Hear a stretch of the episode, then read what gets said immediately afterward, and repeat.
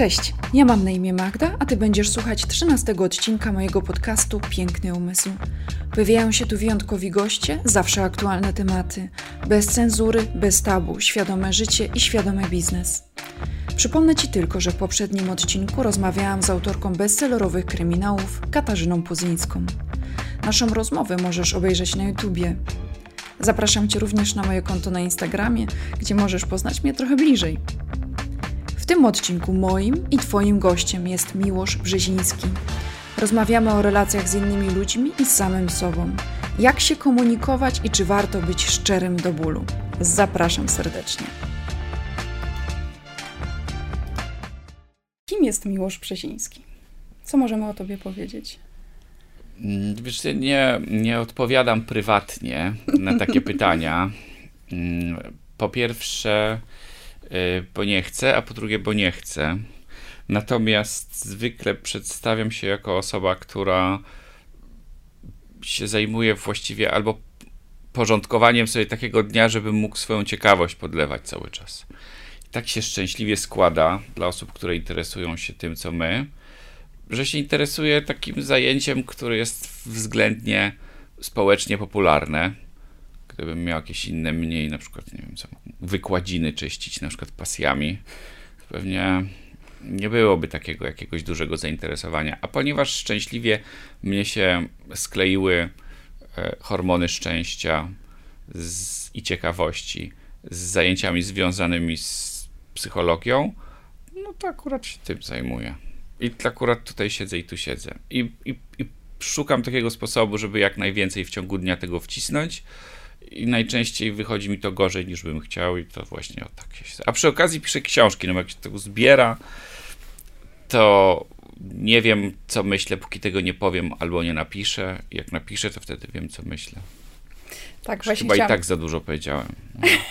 właśnie chciałam powiedzieć, że większość ludzi, którzy kojarzą twoje imię i nazwisko, wiedzą, że jesteś autorem książek i jesteś psychologiem. To właściwie to nie jestem psychologiem, jestem konsultantem biznesowym, tak bym to powiedział. Ja się psychologią zajmuję. No. Co robi konsultant biznesowy? Konsultant biznesowy wydaje mi się, że próbuje przyspieszać takie procesy, które by normalnie zaszły wolniej. To jest taka wersja katalizatora różnych zjawisk. E, konsultant biznesowy może w tym celu mieć pomysły na to, skąd się te procesy biorą, choć w naukach społecznych co do większości przyczyn my nie wiemy, skąd one się biorą. Tylko wymyślamy, że on się agresywny, bo matka go biła, albo chomik mu zdechł i przypominał mu ojca ten chomik albo przeszedł trudne dzieciństwo, albo za łatwe miał dzieciństwo, mm. nie? Wiele takich humanistycznych teorii słynie z tego, że w obie strony zadziałają. Bo i, i, i dlatego to często nie jest wytłumaczenie akademickie, bo możemy powiedzieć, że ktoś jest rozkojarzony, bo całe życie był skupiony i mu wybiło. To są takie hydrauliczne teorie. Albo, że jest z kolei rozkojarzony, bo nigdy nie trenował i też będzie pasowało, nie? Moje dziecko czyta, bo wszyscy mu czytali, a moje nie czyta, bo wszyscy mu czytali i on stwierdziło, że to jest bez sensu, bo i tak mu wszyscy zawsze przeczytają. Dlatego o modelach często takich nauk społecznych mówimy, że wszystkie są nieprawdziwe, ale niektóre są użyteczne. W związku z tym my wypluwamy z siebie w naszej pracy te nieprawdziwe modele rzeczywistości i patrzymy, który działa w danej sytuacji. Jeżeli mamy szczęście, to nie dojdzie do dramatu, do tragedii. Tragedią, gdybyśmy mieli zdiagnozować pewnie w życiu, jest to, że wszyscy chcą dobrze, a ktoś umiera, albo żeby być mniej wysublimowanym, tragedią może być to, że się uczymy po fakcie. Czasami to jest bardzo szybko po fakcie, czasami to jest długo po fakcie i nam na całe życie tej nauki starcza, ale tak. I dlatego konsultant biznesowy warto by było myślę, że byłoby to zgodne z literą pisma, żeby miał w głowie lub na podorędziu względnie w zanadrzu masę takich modeli, których będzie mógł użyć i doświadczeń, które będzie mógł przywołać. Więc nie tylko warto by było, żeby był obryty, ale też sprawny intelektualnie, trochę jak Neo w Matrixie, żeby widział dużo rzeczy naraz. Jak widząc wiele rzeczy naraz, może sobie sprawdzić, co zażre czyli w które krzaki walnąć, żeby wyjechało. No i to, to robi w pracy, bo, bo praca jest miejscem, w którym się ludzie spotykają i chcą osiągnąć razem różne rzeczy. I czasami ten system odwraca uwagę nam od naszej istoty ludzkiej, od naszej ludzkości. Zresztą zawsze my, jak się zaczynamy przegibywać na zadanie albo na coś, to gdzieś ta, ta, ta funkcja ludzka ginie. Nawet w, w biznesie nie tylko, bo przecież i nawet w sporcie, prawda? To dopiero jakoś jest niedawna historia w ogóle, żeby sportowców traktować jak ludzi, a nie tylko maszyny do robienia mm. wyników. Czyli zastanawiamy się też nad tym, jak oni się czują, zastanawiamy się nad tym, co się stanie, jak oni zakończą karierę, a to wcale nie jest taka jakaś stara sprawa, tylko niedawno dopiero nam to do głowy przyszło. Tak, dlatego też prężnie rozwija się psychologia sportu. Tak. I tak samo z e, branżą HR, czyli kiedyś działem kadr, hmm. bo przecież kiedyś wiadomo było, że mówiło się, że, że motywacja pracownika kosztuje 10 centów, tak, tak mówiono, e, że po prostu przed zakładem pracy stoi kolejka i jak komuś na zakładzie pracy urwie ręka, i, on, i ktoś zobaczy, bo jeszcze część osób się nie przyznawała, że im się ta ręka urwała i próbowała jakoś tam nią majtać. Toś po prostu wystarczyło otworzyć bramę i wpuścić pierwszą osobę, a potem polizać znaczek właśnie za 10 centów i wysłać informację, że się zatrudniło nową osobę. I to była praca nad motywacją. Niemniej okazało się, że taka praca jest bardzo eksploatująca i generalnie się nie opłaca. E, daleko byśmy pociągnęli nasze wnioskowanie, gdybyśmy powiedzieli, że zrobiliśmy to dlatego z jakiegoś dobrego serca. Raczej ludzkość odkryła, że ludzie po prostu lepiej pracują, jak nie pracują tak dużo i trochę dobrze się czują w pracy. Mądrze, mądrze. tak. Nie pracuj dużo, tylko mądrze. Dokładnie. I my dzisiaj raczej jesteśmy na, takiej, na takim etapie, raczej, bo to, to nie jest dla wszystkich miejsc na świecie takie popularne, żeby ludzie pracowali mniej, maksymalnie 8 godzin w ciągu doby, i żeby z tych 8 godzin wycisnąć. Tak, mm. Czyli żeby była taka efektywność pracy bardziej. Pamiętam, jak wyjechałam do Berlina, mój szef jest Izraelczykiem z Argentyny i któregoś dnia... Ciężko powiedzieć, skąd on jest w takim razie. Aha, bo on Obywatel jest... świata. Ja zawsze tak. mówię obywatel świata. I ten obywatel świata przyszedł i patrzy, widział w systemie, że w niedzielę pracowałam. Przychodzi do mnie i mówi, czemu ty w niedzielę pracujesz? Ja mówię, no muszę dużo pracować, żeby osiągnąć sukces. Ja wjechałam z takim fajnym przekonaniem do Tak, że jak dużo pracujesz, tak. Taki mówi, i spojrzał się na mnie i mówi, nie, nie, ty musisz efektywnie pracować żeby po prostu ty możesz to samo w 4 godziny i zobacz, i usiadł ze mną naprawdę jak z dzieckiem i zaczął e, przerabiać cały mój dzień i faktycznie wyszło, że jestem w stanie to bardzo szybko przepracować. No, jest w tym jakaś życiowa mądrość. Jakkolwiek mm, fajnie jest z takimi mądrościami zawsze podyskutować, bo jak obierzemy ją z pewnej idei efektywności, która właściwie opiera się na tym, że trochę się człowiek namęczy, a trochę się zregeneruje. Tak jak nawet jak buty skórzane nosisz. Podobno jakoś tam kobiety się znają na butach lepiej niż mężczyźni, ale podobno taki, się boję, że zaraz coś walnę.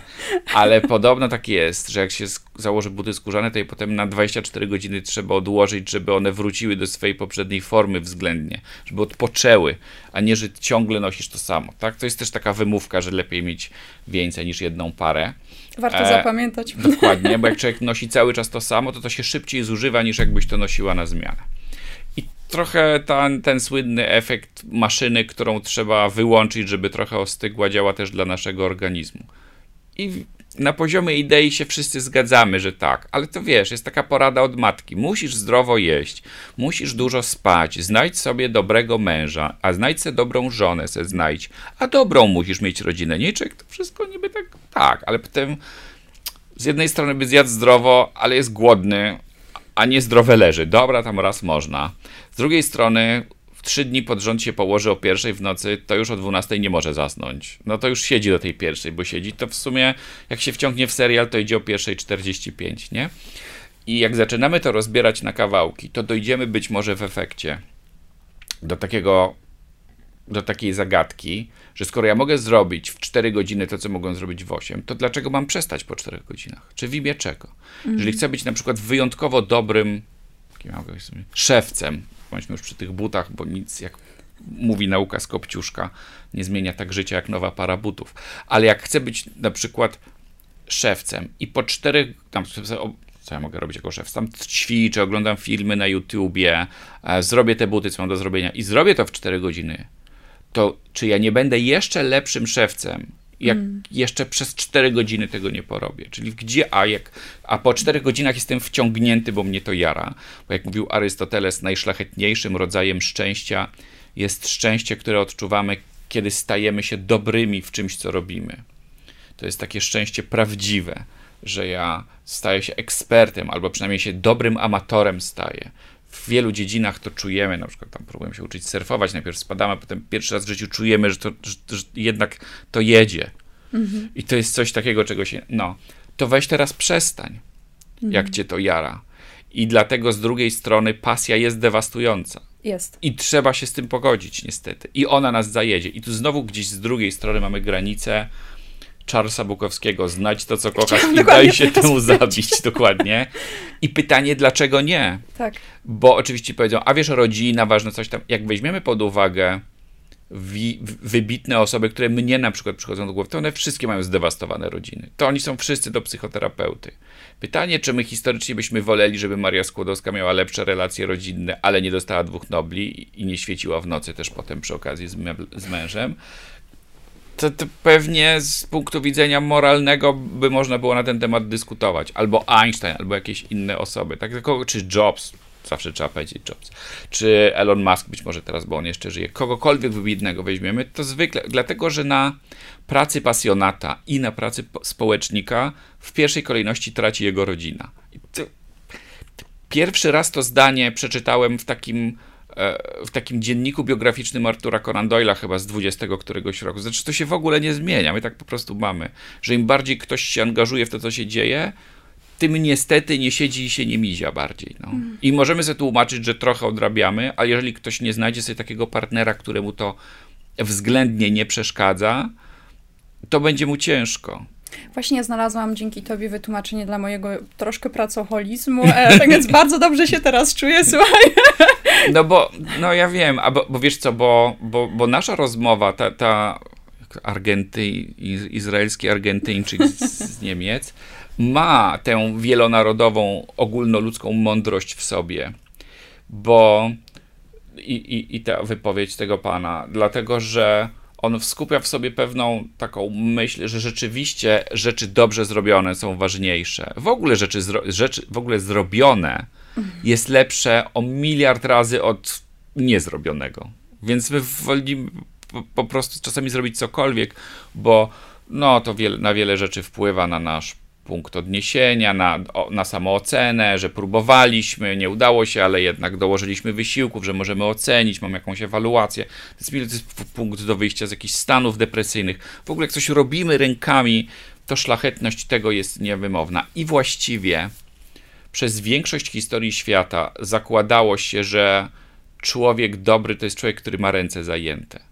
Czyli, że ja coś robię cały czas. Nawet w Wielkiej Brytanii mówiło, się, że dama ma ręce zawsze zajęte, że szydełkuje, że nawet jak nic nie robi ostentacyjnie, to powinna umieć tam cisnąć na klawesynie, dłubać na szydełku i w wolnych chwilach po prostu to się do niczego nikomu nie przyda, bo większość z tych rzeczy jest strasznie brzydka, ale wymagała dużo cierpliwości i wypełniała czas. I jest w tym jakaś mądrość, mm. bo człowiek zajęty jest generalnie człowiekiem zadowolonym. Robi coś, coś, coś może pod koniec dnia powiedzieć, no jak rów, rów kopie, nie? To jest taka miłość nasza do pracy na działce. Jak człowiek pisze tekst, to czasem pół dnia spędzi i wyjdzie mu takie pół strony, spocony, leci z dumą pokazać tam mężowi, żonie, szefowi, a mówi, no fajnie, fajnie, to weź coś jeszcze porób, żeby było, że coś zrobił. A ty już jest, ma sens. A jak wykopiesz 5 metrów rowu, to nikt ci nie powie, że nic nie robiłeś, bo po rowie od razu widać, że on jest zrobiony, nie? Więc ten, ta szlachetność pracy fizycznej jest w nas wbudowana. Niemniej jednak dożyliśmy czasów, w których zaczęliśmy to podawać wątpliwość i coraz chętniej słuchamy komunikatów takich, że właściwie nie trzeba za bardzo nad sobą pracować. Bo, bo teraz pytanie też, czy ty jesteś zadowolona, czy ty jesteś zadowolona z tego, że możesz dalej tak ciężko pracować, czy nie musisz się zmieniać? Tak? Rozumiesz tę mhm. różnicę? Czy, czy jakoś boję się, że może niejasno to powiedziałem. Że I my jesteśmy w czasach, w których łakniemy bardziej niż kiedykolwiek akceptacji co do tego, jacy jesteśmy. Taki jestem, ja jestem ham i co mi pani zrobisz? I ja teraz tutaj siedzę przy tym opelem, że to dobrze, że ty jesteś ham. I mówisz, a okej, okay, to jest w sumie okej. Okay. No to temat zmiany, tak? I, I, wiem właśnie, też, też jest dużo no. opinii, a jesteś jaki jesteś, zaakceptuj, to jest super. Serce ci podpowiada, to jest dobrze, że tak zrobić, tak dalej. To w ogóle nie jest, to, to, to jest taka dewocja trochę mm, w myśleniu, o, o pracy nad sobą, takie bardzo płytkie jej traktowanie, mm. bo my oczywiście powinniśmy mieć wiele samoakceptacji dlatego, dla naszej niedoskonałości. Tak jak na przykład mówi, czego uczyła religia zawsze, że to Bóg jest doskonały, a człowiek nie jest i nie będzie i nie ma takiej szansy. Natomiast my całe życie się staramy, żeby być jak najlepsi, i za te, za te wysiłki zostajemy nagrodzeni. A nie za to, że a, no to już ja już taki jestem, także...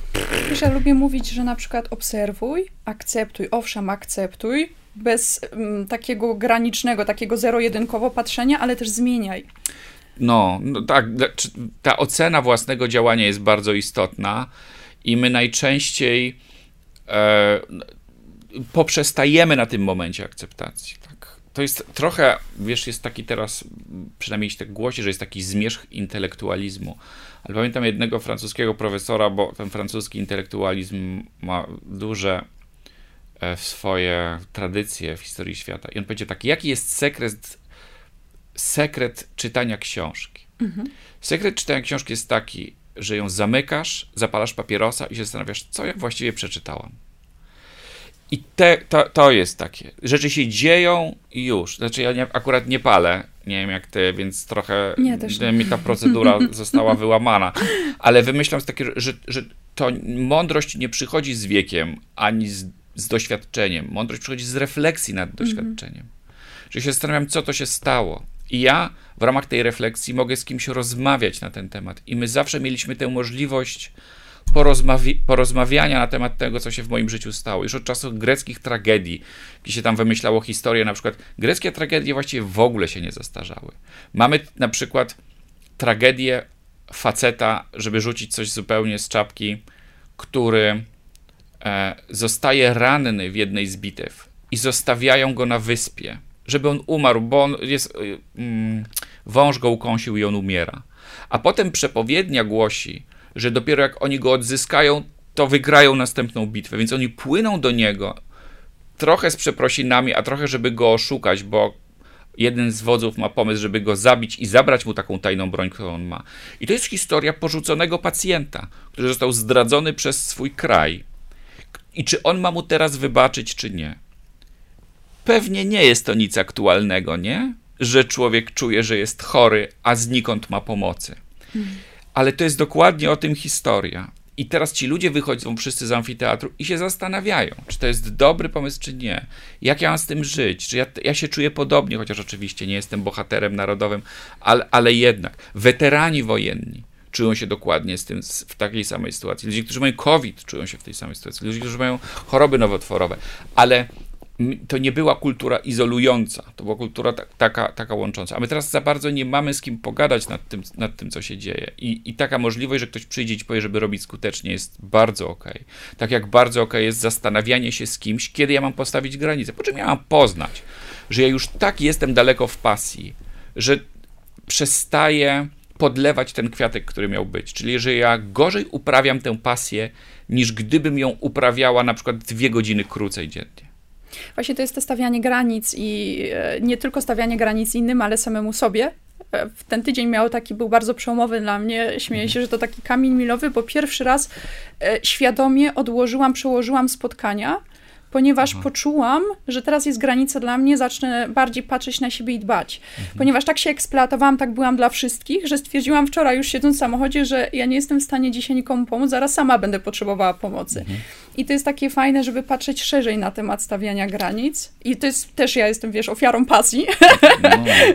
um, mi to sprawia ogromną przyjemność, ale nagle zauważyłam, że jak jest za dużo tego, zaczynam sama się wypalać. I to jest też taka autorefleksja była i myślę, że ten właśnie ten temat zmian jest bardzo, bardzo ważny, a szczególnie w obecnych czasach. Tak, tym y, zgadzam się z Tobą i rzeczywiście Twój przykład jest wyjątkowo na czasie, bo my jesteśmy najczęściej zachęcani do wielu różnych rzeczy, do, jesteśmy zachęcani do tego, żeby pracować więcej jak już e, pewnie słyszałaś, przeszliśmy kulturowo od histerii, czyli że chce mi się, a nie powinno, do depresji, czyli nie chce mi się, a powinno, mi się cały czas chcieć. Jesteśmy zachęcani w ogóle do, do wydawania pieniędzy, jesteśmy zachęcani co też nie powinno mieć miejsca. Ekonomia lubi, kiedy pieniądze są wydawane, ale pieniądze nie powinny być wydawane w takim tempie, że weź kredyt, jak cię nie stać, marzenia zrealizuj, doświadcz nowego i wodzy słodzonej i tak dalej. Tak jest wszystko tego jest za dużo. Jesteśmy też zachęcani do kontaktu z innymi ludźmi na poziomie bardzo powierzchownym, do czytania wiadomości. Tego wszystkiego jest za dużo. I stąd być może, i, i, i, też każdy ma ochotę nas skorygować. Nie jak mówi stara zasada, jak chcesz szybko uzyskać odpowiedź w internecie, to zadaj pytanie, a potem zaloguj się z drugiego konta i odpowiedz źle. I wtedy od razu pojawi się masa osób, które poprawi tą złą odpowiedź, bo jak zadasz pytanie, to oczywiście na odpowiedź normalną będziesz długo czekał. I to powoduje, że my z jednej strony być może jesteśmy w czasach, w których byśmy chcieli coś robić innego, ale z drugiej strony nie, nie mamy tego momentu, w którym się odcinamy, żeby się w ogóle zastanowić, co ja patrzę, co ja właśnie przeczytam, jak ja się z tym mam w ogóle, co ja bym chciał z tego robić, a czego bym nie chciał z tego robić, bo tylko realizuję jakąś cudzą agendę. E, żeby na przykład zacytować też, wydaje mi się, na czasie Kotarbińskiego, bo on kiedyś powiedział, że, że, żeby kochać ludzi to jest za dużo. Wystarczyłoby, żeby ich nie nienawidzieć, a przynajmniej nie myśleć nienawistnie, a jeżeli już ktoś pomyśli nienawistnie, to żeby nie, nie było działań, które wynikają z nienawiści. I, I żeby, a my tymczasem jakby bezrefleksyjnie często, jeżeli zakładając, że jego myśl jest zasadna, powtarzamy, że trzeba wszystkich kochać i mamy do siebie pretensje z drugiej strony, że nie możemy tego jakoś z siebie wydusić, nie? Podczas gdy taka chwila refleksji i zastanowienia się doprowadzi nas do bardziej takich realnych, a być może lepszych też wniosków w tym, w tym zakresie. Tak, co, jak, jak, jak to, i, i wtedy zaczynamy od jakiejś takiej nie, braku nienawiści do siebie, akceptacji swojej niedoskonałości, tego co i, i takich granic, po których nie mamy do siebie pretensji. Bo ja wiem, że ja potrzebuję tego momentu, na przykład, żeby być lepszym, czy terapeutą, czy pisarzem, czy nawet menedżerem, to muszę mieć taki moment, kiedy ja zamknę pralkę i ta pralka będzie tam mi się w głowie kręciła i mi się kropki inaczej połączą niż do tej pory, bo inaczej jestem skazany na ciągle powtarzanie tego samego. Jak mówi stare przysłowie terapeutyczne, jak jesteś młotkiem, to wszędzie widzisz gwoździe, nie? Jak ktoś ma jakąś szkołę, to po prostu wszędzie widzi zaburzone relacje z ojcem albo coś. I to jest, to jest problem każdej profesji. I żeby mieć szerszy kontekst, ja potrzebuję mnóstwo czasu, w którym robię coś kompletnie bezcelowego. Co znowu nie chcę już się rozwadniać tutaj za bardzo, bo już i tak w 500 różnych stron poszliśmy, ale znowu jest problem naszych czasów, że u nas wszystko ma cel co jest jakieś w ogóle bardzo super pomysłem, ale to powoduje nasze permanentne przemęczenie. Ja śpię dlatego, bo to mi pomaga na to i na to i na to. Już nie chcę opowiadać, na co to pomaga, bo tam wiadomo. Pracuję, bo coś tam. A kup zabawk, to, to byśmy sobie jeszcze byli w stanie wytłumaczyć. Ale kup zabawkę dla swojego dziecka, bo ono wspomaga, wspomaga ona zabawka wspomaga jego pamięć a ono nie może tak po prostu pobawić, bo się znalazło, nie wiem, kupę i patyk. Co w tym jest złego? Się pobawi, nie wiem, kto się nie bawił kupą i patykiem, ale my się nie bawimy najczęściej, dlatego że już się bawiliśmy w życiu. Wiemy, jakby wątek się wyczerpał, szukamy jakichś następnych pomysłów. Co to jest za przyjemność, że jak gdzieś idę i ktoś mi ciągle mówi, jak ja mam czegoś używać. A to jest taka zabawka, że tak musisz kręcić. A ja bym chciał walić. Nie, nie, to wtedy źle będziesz jej używał. Napij się wody z magnezem, bo to jest dobre na... A nie mogłeś tak po prostu wody z magnezem magnezem napić, albo wody się nie mogę po prostu napić. Ona musi być po coś ta woda zupełnie. Ta gra twojemu dziecku poprawi pamięć. A on nie może pograć po prostu tak, żeby sobie, bo sobie gramy, bo sobie tak siedzimy i oglądamy. A tu jest taki serial, który ci chciałem pokazać i on cię nauczy coś. No przecież to, no, a wersja jest w sekundę od tego, tak? A jak chciałem po prostu coś z mamą obejrzeć albo z tatą, sobie oglądamy, tam się zabijają, w ogóle źle się zachowują i tak dalej. Nie muszę, dobrze, teraz zapauzujmy i opowiedzmy, jaki jest morał. Morał jest w ogóle pomysłem z XX wieku, jego wcześniej nie było. On się pojawiał a propos niczego. bajki w swojej oryginalnej wersji bardziej przypominały szwedzkie takie seriale, że, że wszyscy mieli za uszami. I dopiero się siadało, się zastanawiało, czy on w sumie to dobrze zrobił, czy źle, bo tak jak już sobie powiedzieliśmy na początku, takie tragedie jak we Władcy Pierścieni, który jest w ogóle super, ja bardzo cenię tę książkę, ale że biali napadają czarnych, i widać, kto jest dobry, a kto zły, to, to się w życiu nigdy nie zdarza. Ludzie najczęściej zło czynią w, imieniu, w imię dobra i zło wobec siebie też czynią w imię dobra. I to jest trudne, że my dobrze chcemy wszyscy. Wszyscy dobrze chcemy. I ktoś umiera po drodze, tak? To jest ta tragedia. I bez zatrzymania się właśnie, jak ja tylko myślę, to jak serce mówi, to jest na pewno dobrze, to to jest za mało. I być może właśnie z tej perspektywy pojawił się ten kłopot taki nas wewnętrzny, że my nawet nie mamy tego momentu, bo my cały czas mamy mieć po coś. Nawet jak siedzisz, siedzisz to medytuj. A jest tak, nie mogę posiedzieć?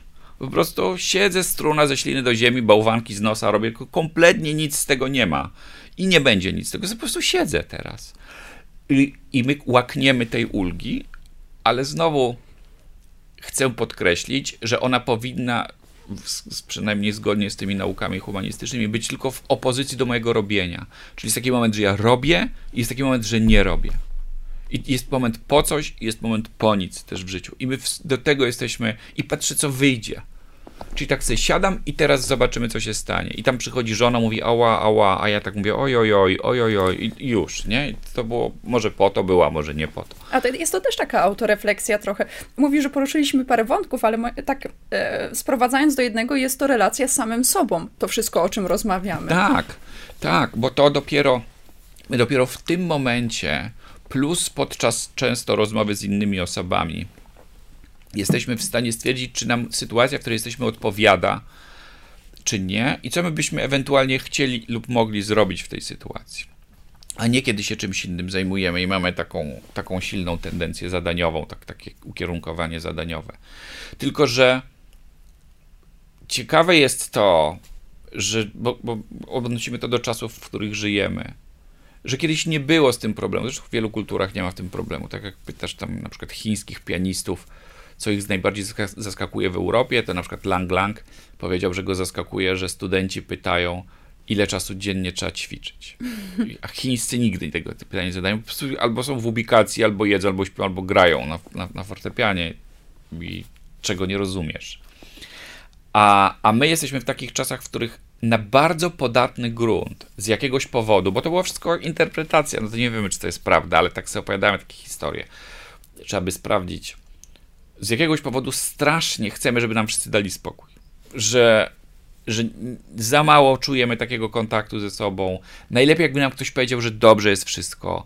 Że, zobacz, jak ja opowiadam, że rzeczy nie mogą być cel, nie muszą mieć celu, to tak jakąś taką ulgę sprowadza, nie? Mhm. Czyli Czyli to jest jak, gdzieś mamy taki, taki ból, którego do tej pory nie było, bo być może ludzie mimo wszystko tego czasu takiego spędzanego bardzo powoli mieli sporo. No pewnie powiedziałem powoli i od razu mi się skojarzyło, że też to życie cyfrowe czy życie serialowe jest życiem szybszym.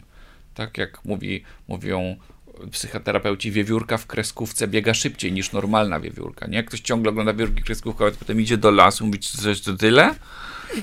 No, to, to, a gdzie jest akcja? E, nie, tam liść leci jakiś. E, to, to jest zdecydowanie za mało, więc być może trzeba też się trochę przekalibrować, nie takim dietetycznym patentem, po prostu sobie obniżać wielkość akcji, żeby robić wszystko wolniej. I to też często radzi się ludziom jako ćwiczenie, nawet właśnie w terapii behawioralno-poznawczej, żeby robili wszystko wolniej niż normalnie. Wolniej szli aż do takiego pierwszego poziomu dyskomfortu, że idziesz, ale tak zwalniasz o jedną dziesiątą, że tak czujesz, że ci taka szpolka do przodu i nagle znajdujesz się w zupełnie innym stanie, że rzeczy robione wolniej są takie właśnie bardziej naturalne. Ale jest to jak jakaś choroba naszych czasów, nie? My te choroby wymieniamy w każdych czasach, jednych rzeczy się uczymy, to wpadamy w drugie, jak człowiek się wywikła z jednego, to się wikła w drugie. I ponieważ rozmawiamy w tym roku 21, no to to ta, ta choroba jest akurat teraz, że, że chcemy odzyskać ten, ten taki moment, w którym się nic nie dzieje. Co do tej pory uznawane było za coś obrzydliwego, bo raczej ludzi trzeba było do pracy zachęcać i mówić, że, że, że ręce zawsze zajęte i tak dalej, i tak dalej. To myśli, tak, tak, tak, nie? No. Czyli wyjście z takiego multitaskingu do właśnie tego mm, ostatnio bardzo często wymienianego mindfulness, czyli treningu uważności, żeby zwolnić, być tu i teraz, a ta autorefleksja. Myślę, że to wielu osobom pomaga. Uważność jest pewną metaforą, bo z perspektywy akademickiej My nie mamy dostępu do teraźniejszości. Nawet nie tylko do prawdy o teraźniejszości, ale od teraźniejszości w czasie. My wszystko łapiemy po fakcie. Albo przed faktem próbujemy przewidzieć, co się stanie na milion sposobów. Jak człowiek zaczyna być uważny, to się orientuje, to, to jest jedna sprawa związana z uważnością. I właściwie same własności fizyczne prądu powodują, że jesteśmy pół sekundy po tym, co się stanie. Z jednej strony niedużo, ale z drugiej pół sekundy wystarczy, żeby stracić życie czasami. Tak więc to może być dużo. Więc my jesteśmy, jest, mózg jest przez to maszyną do przewidywania przyszłości. On się cały czas stara przewidzieć, co się stanie, bo wie, że jak wie, że coś się stało, to to już jest po tym. I jest to nieprawdopodobna ciekawostka, jak on jest przez to machiną do wyszukiwania wzorców. I to go skazuje na liczne zakrzywienia, których w psychologii mamy masę. Wykorzystuje się je i w terapii, i w biznesie, i tak dalej. Jak wiele z nich pozwala nam żyć, jak mówi tytuł klasycznej książki, pomaga nam, uważamy o, o, o, myślimy o sobie, że jesteśmy lepsi niż naprawdę jesteśmy. Często myślimy też, mamy wysoką samoocenę, która rzeczywiście ma swój bagaż negatywny, ale jednak osoby z wysoką samooceną są bardziej uparte, więc właściwie wyszłoby na to, że bardziej się opyla mieć wysoką samoocenę niż nie mieć. Wiemy też o tym, że myślimy, że, że jeszcze ostatniego słowa nie powiedzieliśmy, że wszyscy na nas patrzą, czyli taki e, efekt lampy skierowanej na nas, że nikt nie ma co innego do roboty na ulicy, tylko myśleć o naszym życiu i się jak jesteśmy ubrani albo co robimy i tak dalej, ponieważ każdy tak myśli, to wygląda to mega zabawnie. Tych zakrzywień jest tyle, że pewnie jakby o tym pisać książkę, plus statystyczne, plus cała reszta, wyjdzie na to, że wielu badaczy uważa, że pytanie mózgu o zdanie jest jak pytanie oszusta. I dlatego i jest taka, taki nurt, bo chcę Państwu powiedzieć bo o tym, że mindfulness jest fajny, to pewnie Państwo wszędzie słyszą. Więc chcę powiedzieć trochę, że, że z drugiej strony on w, tam w ogóle nie ma czego szukać. My tam niczego nie znajdziemy specjalnego. Jak człowiek siedzi i wsadza sobie korbę we flaki, oni mówią, to tam się do niczego nie dokopie, ponieważ mózg żyje w permanentnym oszustwie dotyczącym naszej osoby. I on nigdy nam prawdy nie powie, bo nie ma do niej dostępu. On nie wie, co my jesteśmy naprawdę. On często mówi jakieś krótkoterminowe rzeczy, wiesz, musisz do niego zadzwonić, ale tam taki mały aniołek mówi, nie, to nie jest może facet dla ciebie, nie, my potem dzwonimy. Albo wiesz, musisz szefa przeprosić, nie, lepiej, lepiej żyć w zgodzie ze sobą, nie, lepiej przeprosić bo, i, i przepraszamy, nie? Taka reakcja emocjonalna, która próbuje zaleczyć, załatać problemy krótkoterminowe, jest nierozsądna, ale my nie mamy do innej dostępu. I dlatego o wiele lepiej czasami na przykład pytać ludzi z zewnątrz, albo przeczytać, skąd to się bierze. Czy skoro ja jest, jak ja jestem na przykład nie awansuję, to dlaczego? I w ramach tej pracy, konsultacji biznesowych, często my oczywiście zakładamy i uważamy, że zostaliśmy potraktowani niesprawiedliwie, ale znowu badania pokazują, że my raczej Sprawiedliwie to uważamy, że jest to, co jest nam na rękę, a niesprawiedliwie to, co nie jest. I człowiek zaraz zaczyna rzeźbić, nawet wstecznie. Mamy badania, które pokazują, że człowiek coś deklaruje, a potem myśli, że deklarował coś zupełnie innego. I nawet każe mu się to pisać. I on pokazują ci tą kartkę. I ludzie mówią badani, że przecież myśleli co innego, więc nie wiedzą, jakim cudem to tu jest napisane. Więc jak odpowiedź na pytanie takie, gdzie mam w mindfulnessie znaleźć dno, jest czasami, że czasami i tak nie znajdziesz. Znaczy, jak mówię, jest taki poważny nurt badań poznawczych, który mówią, że pytanie mózgu o zdanie jest takie, możemy się pobawić, ale zawsze tam wyjdzie coś takie ku pokrzepieniu serc nasze. Właściwie rolą zdrowego układu nerwowego jest dbać o nasz dobrostan i on znajdzie naszą równowagę kosztem długoterminowych wyników kosztem innych. Byłem, taż ta złodziejka, jak się nakradła, ten się z kimś przespał i awansował, a ja taki wyedukowany, ambitny, sprawny i skuteczny, jak zwykle nie mogę znaleźć na świecie swojego miejsca. I lepszy do takiego porządkowania sobie własnego życia jest dlatego kontakt z innymi ludźmi, on jest skuteczniejszy. Czy to jest konsultant, czy to jest przyjaciel, żeby nawet nie powiedzieć, że z gigantyczną korzyścią tego drugiego, czy znajomy, czy w ogóle takie gremium rodzinne, że się coś mówi, O, rzuciła mnie i dziadek taki 97 lat mówi wtedy, jeszcze będą inne, nie? I człowiek sobie zdaje sprawę, kurna, w sumie jeszcze będą inne, nie? Nie wpadłem na to zupełnie. A dziadek ma 97 lat, ma taką swoją chłopski rozum i taką swoją perspektywę, tam lubi się napić i zajarać, ale akurat to wiedział, nie? I do nas trafiło. Może dlatego, że geny podobne. I to o wiele bardziej nam życie ułatwia niż takie siedzenie i, i skupianie się na tym, co ja robię. Chociaż oczywiście mindfulness ma swoje zalety i to też chcę podkreślić, ale chciałem wrzucić taki węgielek, żeby pokazać, że człowiek do najgłupszych wniosków dochodzi, jak myśli sam. Czyli, że ja trochę mogę być pouważnym na to, co się dzieje, bo mnie to uspokoi, doprowadzi do ładu, ucieszę się, że jem zdrowe warzywa, na których smak bym nie zwrócił uwagi, albo do czego ludzie często dochodzą z wiekiem, że w ogóle w okolicy jest całkiem nieźle, że to fajnie, że rosną drzewa, a mogłyby nie rosnąć, bo nie, że nie ma wojny, a mogłoby być nieczek, albo zaczyna być wdzięczny za takie rzeczy, e, bo to też jest po, po części efekt tego, tej uważności, których normalnie nie widzi. Bo, bo, bo, znowu nie chcę wchodzić za daleko już teraz na pewno, ale tylko powiem, że my mamy raczej naturalną tendencję do wyszukiwania tego, co jest nie tak. I nie wiadomo do końca, dlaczego tak jest. Najpopularniejsza interpretacja jest taka, że rzeczy, które są nie tak, nie warto ignorować bo jak je przegapimy, to mogą, możemy się o nie potknąć. Z kolei rzeczy, które są w porządku, można zignorować, bo one i tak nas popchną. Nawet jak nie będziemy na nie zwracali uwagi. Tak? Jak ktoś jest, nie wiem, tam atrakcyjny fizycznie, to nie musi specjalnie o tym cały czas myśleć codziennie, o jaki ja jestem fajny, bo, bo to i tak mu pomoże, albo jak mężczyzna jest wysoki, to mu i tak pomoże. Ale jeżeli ktoś go nie lubi, to my musimy o tym cały czas pamiętać. I przez to siłą rzeczy, jeżeli zostawimy uważność w spokoju, czyli nie będziemy zwracali uwagi na to, co się dzieje, to rośnie hałda rzeczy, które są nie tak, a za specjalnie nie zbiera się ta informacja. I to jest takie, zwane jest to potocznie młynem hedonistycznym, że zakłada się, że jak się coś zadzieje, to nasze życie diametralnie się zmieni.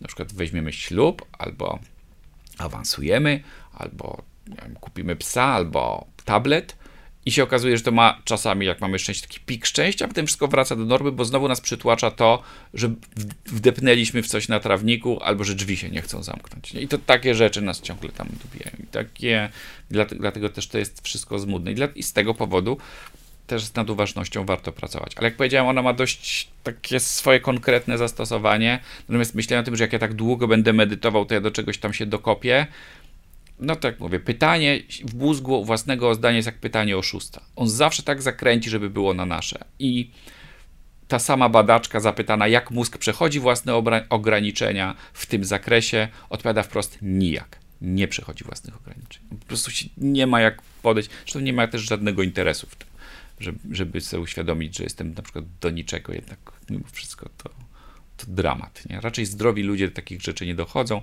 a jak mówią, to to jest tylko takie skromne przekomarzanie się. O, ja to tam jestem już prezesem wszędzie, ale ja to tak w ogóle to nie. Wszyscy, oj, tam pan prezes zawsze tak mówi. Nie, ale tak, żeby tak sobie szczerze pomyśleć, to raczej jest ciężko.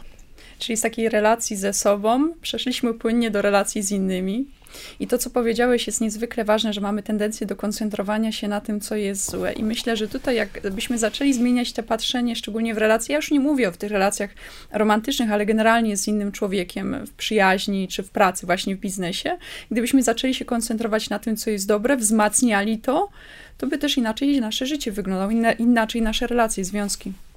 No tak, dlatego że po pierwsze nam po pierwsze, to my myślimy inaczej o innych ludziach, a inaczej myślimy o sobie najczęściej. Chociaż kobiety mają trochę inaczej. To teraz jak? Po, powiedzmy. powiedzmy, jak to jest teraz, żeby nie było. E, właściwie my o sobie najczęściej myślimy w kontekście własnej zadaniowości i tego, czy nam dobrze idzie dążenie do celu, czy nie. Nawet kiedy się ludzie zastanawiają nad tym, co by w sobie zmienili albo za co się chwalą, to chwalą się za to, że coś robią dobrze że są sprawni, albo że, są, że jesteśmy mądrzy. W ogóle nie dostrzegamy na przykład, albo gdybyśmy chcieli coś w sobie zmienić. Wiele osób uważa, że najbardziej by chciał zmienić swoją skuteczność na lepszą. W jakimś tam zakresie chcieliby skutecznie chudnąć, pracować, jeździć na rowerze, biegać, lepsi być w gry, w które grają, wszystko jedno. Natomiast w ogóle na przykład poniżej radarów w badaniach porusza się ugodowość. Nas to w ogóle nie interesuje, czy jesteśmy zgodni z innymi. Właściwie nawet taka niezgodność jest trochę hołubiona. że jak ktoś jest niezgodny, to pewnie ma własne zdanie i myśli. Bo jak jest zgodny, to nie myśli. Jak powiedział Mark Twain, jak zgadzasz się z większością, to się poważnie zastanów, bo coś jest z tobą nie tak. A jak jest arogancki, no to już się pewnie zna. Bo po prostu jak innych traktuje per noga, to znaczy, że tu jest tam on, to w ogóle jest kocia kuweta, a tu reszta intelektualnie, nie? I że w związku z tym to już mogę. To nie jest tak, że osoby aroganckie są inteligentne. My wręcz sarkazm raczej uważamy za agresję, która może fajnie wygląda i super się, ale to jest jednak agresja, więc ale warto ją unikać. Nam ugodowość jakoś specjalnie nam snu z powiek nie spędza, kiedy myślimy o sobie. Natomiast jak zaczynam myśleć o kimś innym poza granicami mojego ciała, to już jest trochę inaczej. Jeżeli to jest osoba, która jest trochę mną, mój prawnik, mój przyjaciel, moja żona, ale ja z żoną przeciwko sąsiadowi, który tam, nie wiem, zrobię nam jakieś straszne rzeczy na trawniku, to jeszcze jestem w stanie myśleć o niej w kategoriach skuteczności. Mojego prawnika też, moich przyjaciół też, ale zupełnie obca osoba raczej jest, będzie przede mnie, przeze mnie postrzegana tylko przez pryzmat swojego wkładu w dobro społeczne.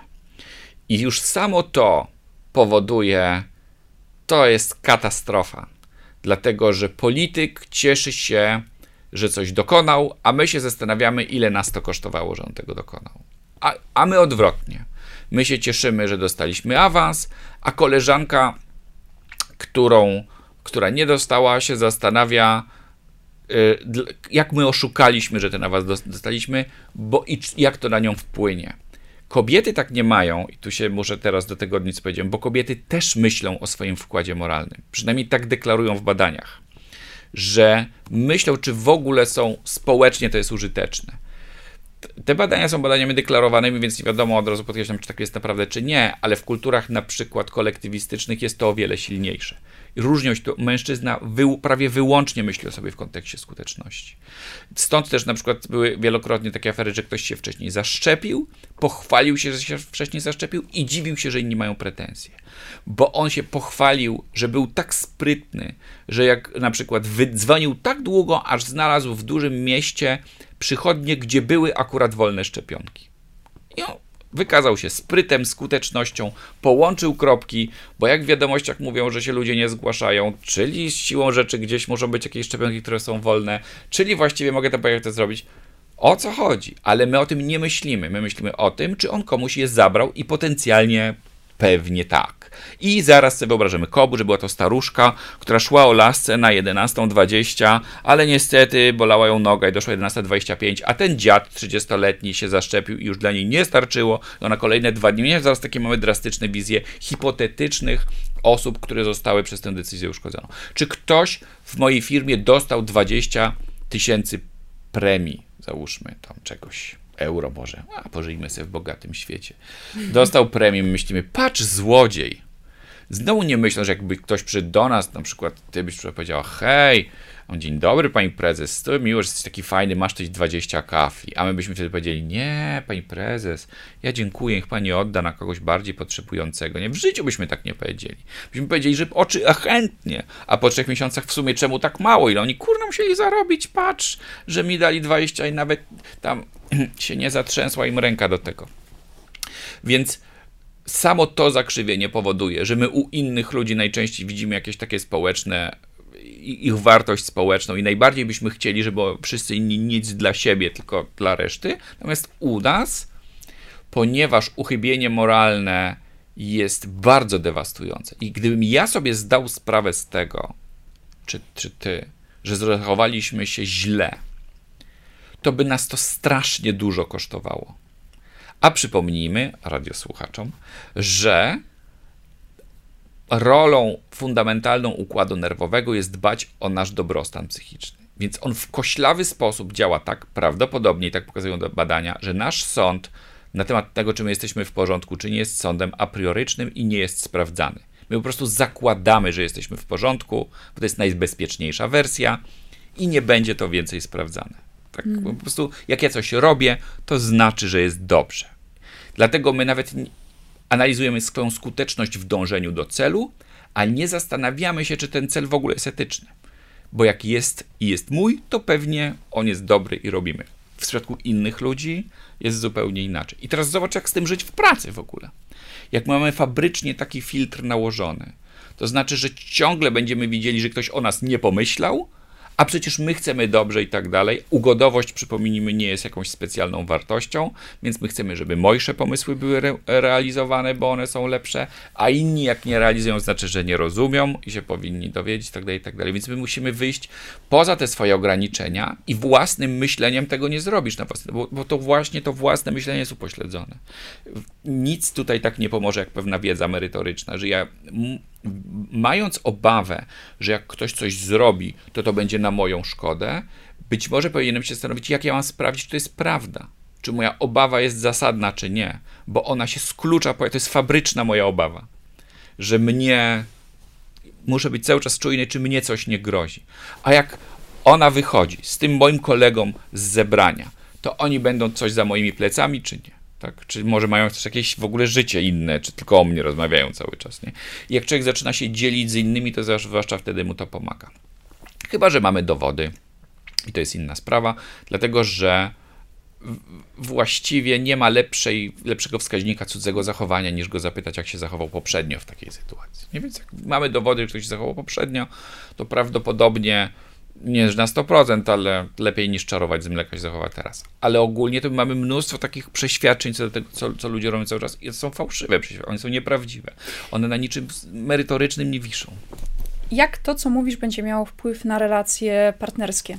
Właśnie ten temat ugodowości i takiego sposobu myślenia.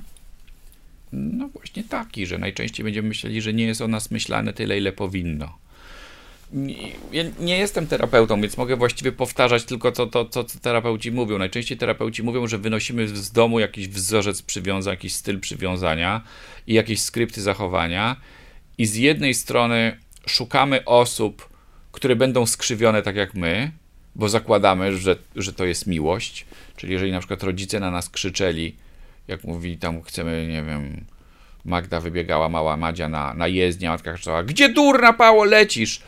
I my sobie myślimy, mama mnie kocha, dlatego tak mnie określiła, żeby ja to zapamiętała. To potem będziemy prawdopodobnie szukali męża, który nas krzyczy, bo, bo nam się klei, że jak krzyczy, to kocha. I Dlatego my nie szukamy takich, takiej drugiej połówki, tylko my jesteśmy taką krzywo przeciętą połówką i szukamy takiej drugiej krzywo przeciętej połówki, żeby do nas pasowała, nie? I jak, jak, trafimy, to jest w sumie szczęśliwie, nie? Ona na nas krzyczy, a nam to pasuje, znaczy jęczymy, a ona też mówi, że to przez nas, bo jakbyśmy tacy nie byli, to ona by tak nie krzyczała. To mniej więcej, związek się trzyma, a wszyscy się dziwią, nie? Że on się trzyma wygląda na to, że to, tak, że, że to tak się dzieje. Ale też z życia dziecięcego często wynosimy takie brak nauki, którego nie da się wyjąć, bo to nie jest wina rodziców. Bo, bo, bo wiesz, jak w tym myśleniu, jak zaczynamy szukać winnych, to w sumie czemu nie oskarżyć ich rodziców? No bo oni też byli nie tacy. I to jest niestety pewien duży grzech psychoterapii, że zawsze zwali na rodziców, e, co by się nie działo. A, ale właściwie czemu nie do pradziadków dojechać? No mamy kopać, to kopmy w sumie do Adama i Ewy, albo tam e, pierwszego Homo erectusa, bo już oni na pewno w przemocowych relacjach coś tam. E, I więc te skrypty rodzinne oczywiście, ale pytanie też, co my z nimi zrobimy, a nie skąd one się wzięły. Chociaż to oczywiście tam czasem, jak sobie człowiek zda sprawę, że coś powiela, to nie trzeba zbyt wielu lat terapii, żeby się zdać, ale to też nie rozwiązuje problemu. Ale też na przykład rodzice. Czego my nie możemy z domów wybrać? Nie możemy najczęściej z normalnego domu, norma jest takim zakresem. Norma to jest taki, normalny dom to jest taki, że ludzie raczej żrą, że tak nie mają tyle czasu dla siebie, co by chcieli, rozumieniem, mają takie momenty, że się rozumieją, dzieci się czują nierozumiane, nie chcą być tacy jak ich rodzice. To normalny dom taki, nie? Tam się, tak normalnie to wygląda. Więc z normalnego domu na przykład wynosimy takie poczucie, że życie nie jest samotne. A jest. A jest. I my najczęściej mamy pretensje do rodziców, że oni się nami nie zajmują wtedy, kiedy byśmy chcieli, i najczęściej rodzice się nami zajmują wtedy, kiedy byśmy chcieli, chociaż różnie to wspominamy. A w dorosłym życiu, jak ktoś mówi, że jego życie w prawie połowie jest samotne, to jest całkiem niezłe życie. Oczywiście można mieć relacje z różnymi osobami, można mieć czy, czy z rzeczami, z książkami, z jakąś grupą zawodową, można być, bo, bo to też nie jest tak, że samotność wynika z liczby osób dookoła ciebie. Ona raczej, jak pokazują badania, wynika z tego, ile osób wpuszczasz do swojej głowy. Czyli jak się w ogóle nikt cię nie obchodzi i ty nikogo nie obchodzisz, to możesz cię czuć samotnie, ale jeżeli jest na przykład jedna taka osoba, o której ty wiesz, że na przykład dzisiaj pojechała wymieniać opony i ją jak zapytasz, jak z tymi oponami, bo tak tego, to, to już nie jest samotność, bo ty już masz kogoś, jakąś teorię umysłu innej osoby w swojej głowie. I, i, i to tak działa. Ale jeżeli my w ogóle prawie połowę życia spędzamy w samotności, to to jest tak o, tak ono, to takie życie będzie. Żaden rodzic nas na to nie przygotuje. Tak jak nie przygotuje nas na to, że nie czyta się nam, nie da się nam czytać w myślach. Rodzice nas znają i to od małego i często mamy takie poczucie, że trzaśniemy drzwiami mówimy wszystko dobrze, powiemy nie! I pieprzniemy drzwiami i tam siedzimy, a rodzice przez kafelki dochodzą o co nam chodziło, nie? Mm, weź, może zadzwoni jeszcze do ciebie. Nie możesz tak od razu, nie? I nam się wydaje, że potem w małżeństwie czy w związku, czy w pracy będzie tak samo. Jak ktoś mówi, a zwłaszcza w relacji intymnej, że on mnie rozumie bez słów, to od razu trzeba, nie, ma takich osób, które bez słów rozumieją. Oczywiście my mamy te dziecięce nawyki, domyśl się, co się stało, gniewasz się? Nie, bardzo, tak. tak? I, I tam trzeba dochodzić, a to i tak dużo, jak tak powiemy. Ale w normalnym życiu tak się nie dzieje. W normalnym życiu też z wieloma rzeczami, wieloma problemami musimy sobie poradzić sami. Oczywiście są takie elementy życia, z którymi inni ludzie nam pomogą albo nawet nas wyręczą, to jest ok, ale jest masa takich, że człowiek powinien z tym swoim cierpieniem żyć. I, I nie powinien obarczać tej drugiej osoby tym cierpieniem. To, to jest do zniesienia w samotności ono.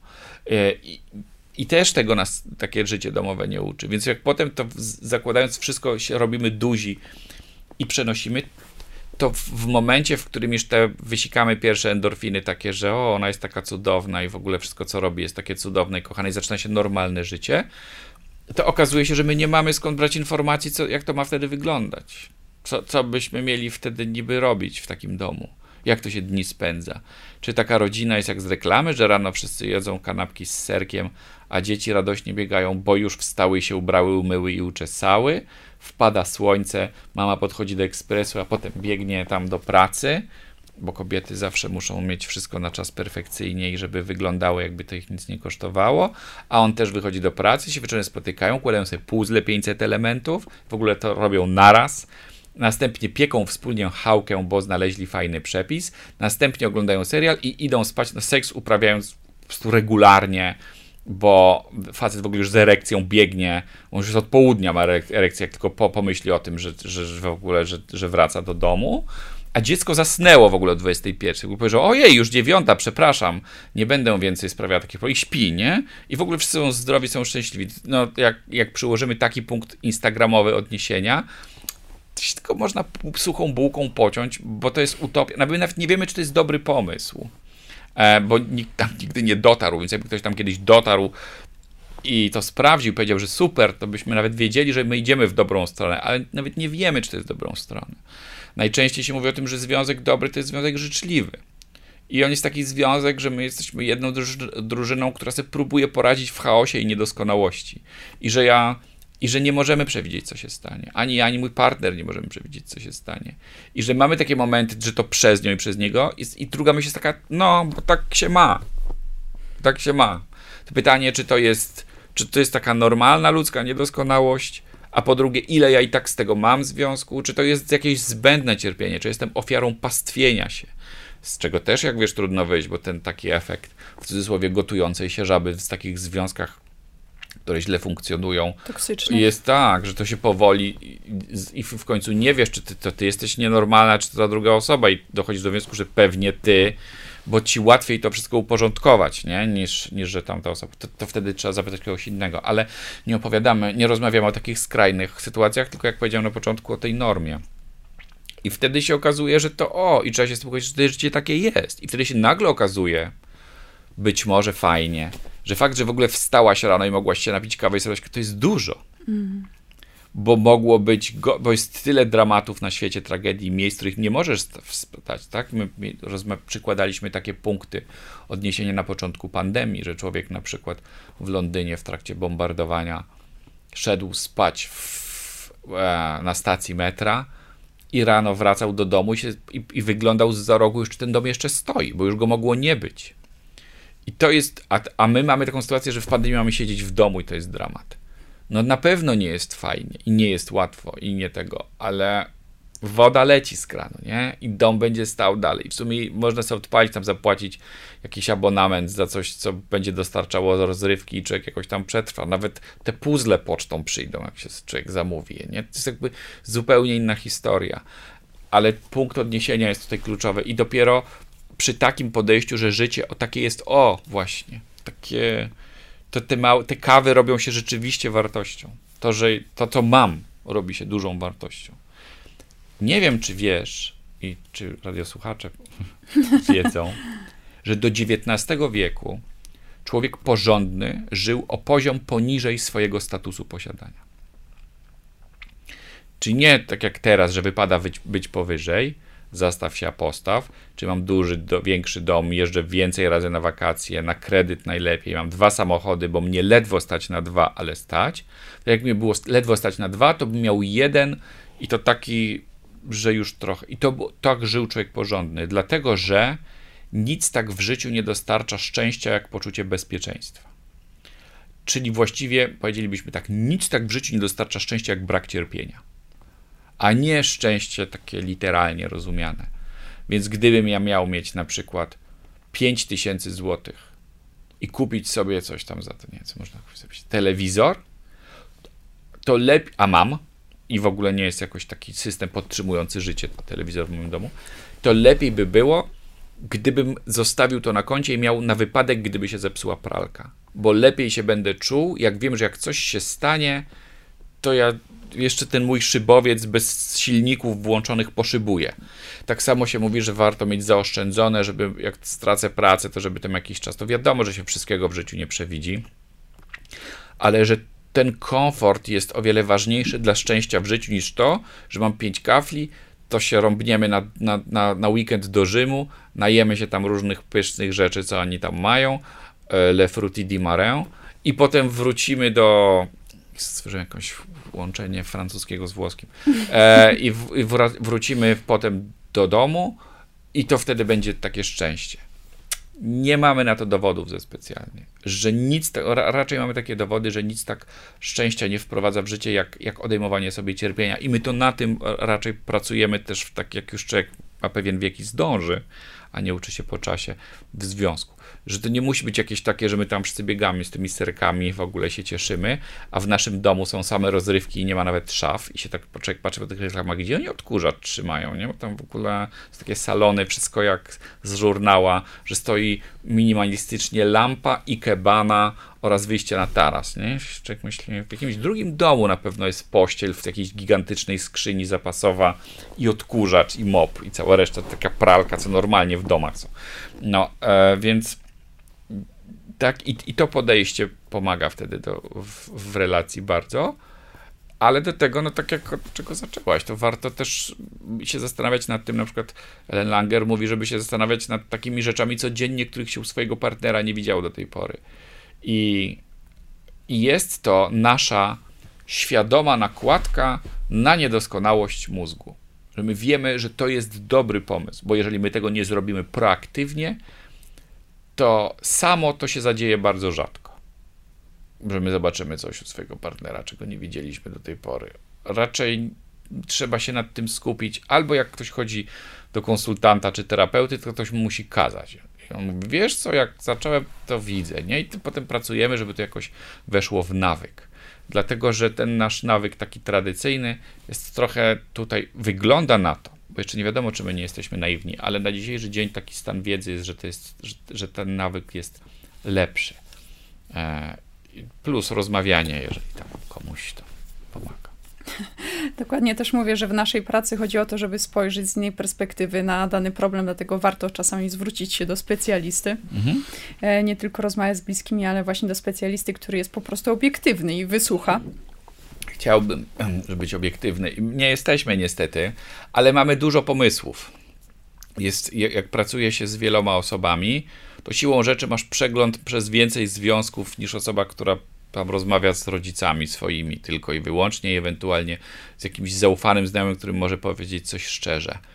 Raczej zakładam, nie zakładam naszej obiektywności tutaj, ale zakładam to, że mamy więcej pomysłów, co można zrobić. Bo my najczęściej w życiu, wiesz, coś ci nie idzie, nie wiem, co mogło nam nie iść. załóżmy sobie, chcesz uprawiać codziennie gimnastykę, a ci nie idzie. I w taki normalny człowiek to na co dzień nie wie, co można by zrobić, żeby uprawiać codziennie gimnastykę. No próbowałem, ale mi nie szło i to jest tyle wniosków na ten temat. A jeżeli ktoś jest trenerem na przykład personalnym i zajmuje się tam różnego rodzaju na przykład psychologią sportu, to mniej więcej ma pomysły 1, 2, 3 albo 4, to już jest o wiele więcej niż my sami. Jak to zrobić, żeby, żeby zacząć w ogóle, nie? I na przykład wymyślają takie, to najpierw układać tyle, żeby się nie zmęczyć, bo być może zmęczenie cię zniechęca. Być może masz jakieś tam takie podejście, albo niewydolny układ nerwowy, albo masz tendencję do migren, jak się zmienia ciśnienie, to, to, to trzeba rozruszać. To najpierw tak, i oni tak mówią, najpierw tyle biegnij, żebyś się nie zmęczył, ale żeby było, że wyszedłeś, pobiegałeś, nie? To człowiek sam na to nie wpadnie. Ale jak, jak ktoś ma taki woreczek z narzędziami i może z niego pobierać, to już mu łatwiej. I dlatego takie osoby, jak trafiają na przykład po pomoc do kogoś, albo rozmawiają z osobami wokół siebie, to zbierają te narzędzia i potem inna rzecz je mieć, a inna rzecz je oczywiście wyjąć z tej skrzynki, kiedy to jest użyteczne, ale nad tym też się wtedy pracuje, nie? Że niby wiem, co mam zrobić, tylko jakoś tak zawsze za późno mi to wychodzi. Niestety ciągle za mną, to się tak i tak w kółko. Więc wydaje mi się, że, że tu raczej tak, bo my też najczęściej nie, ja, ja nie mam takiego poczucia, powiem za siebie, nie mam poczucia, że ja wiem, co jest dla ludzi dobre. Mam jakiś pomysł, i zakładam, że to może w tę stronę, ale jak nie wypadnie, nie wyjdzie, to też nie mamy do siebie pretensji, szukamy czegoś innego. Mm, I myślę, że mocą pracy konsultacyjnej jest wielość posiadanych narzędzi. I, to, i nad tym się pracuje. I, i, I, taka refleksja nad nimi.